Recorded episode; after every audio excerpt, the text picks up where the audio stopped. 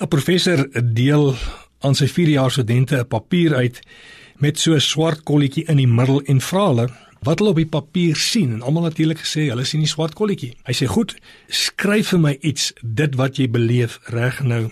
So het hierdie kom ons noem hulle die finale studente begin skryf en almal by die professor regtig beïndruk.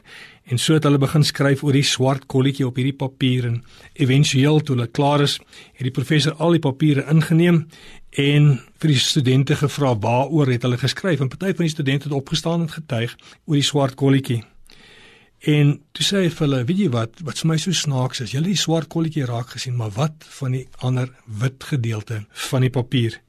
Ons as mens is soms partykeers staar ons ons so blind teen hierdie swart kolletjie en ons sien nie alles raak wat ons kan geniet nie. En dit is wat ons deesdae doen en ek wil jou uitdaag vandag. Kyk verby die swart kolletjie. En ek wil jou uitdaag. Geniet weer jou vrou.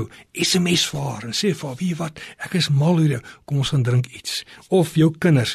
Dalk kan jy 'n getuigskrif vir jou seun of jou dogter gaan skryf en miskien in hulle boek druk. En dan wil net sê hoe wonderlik hulle is. Selfs jou vriende. Geniet geniet ook die Here. En dis wat ons beginne moet leer om te doen Kom ons kyk bietjie breër as net op iemand se foute of net op 'n persoon wat negatief optree in die verkeer waar ook al dit mag wees. Kom ons hou die groot groot prentjie dop.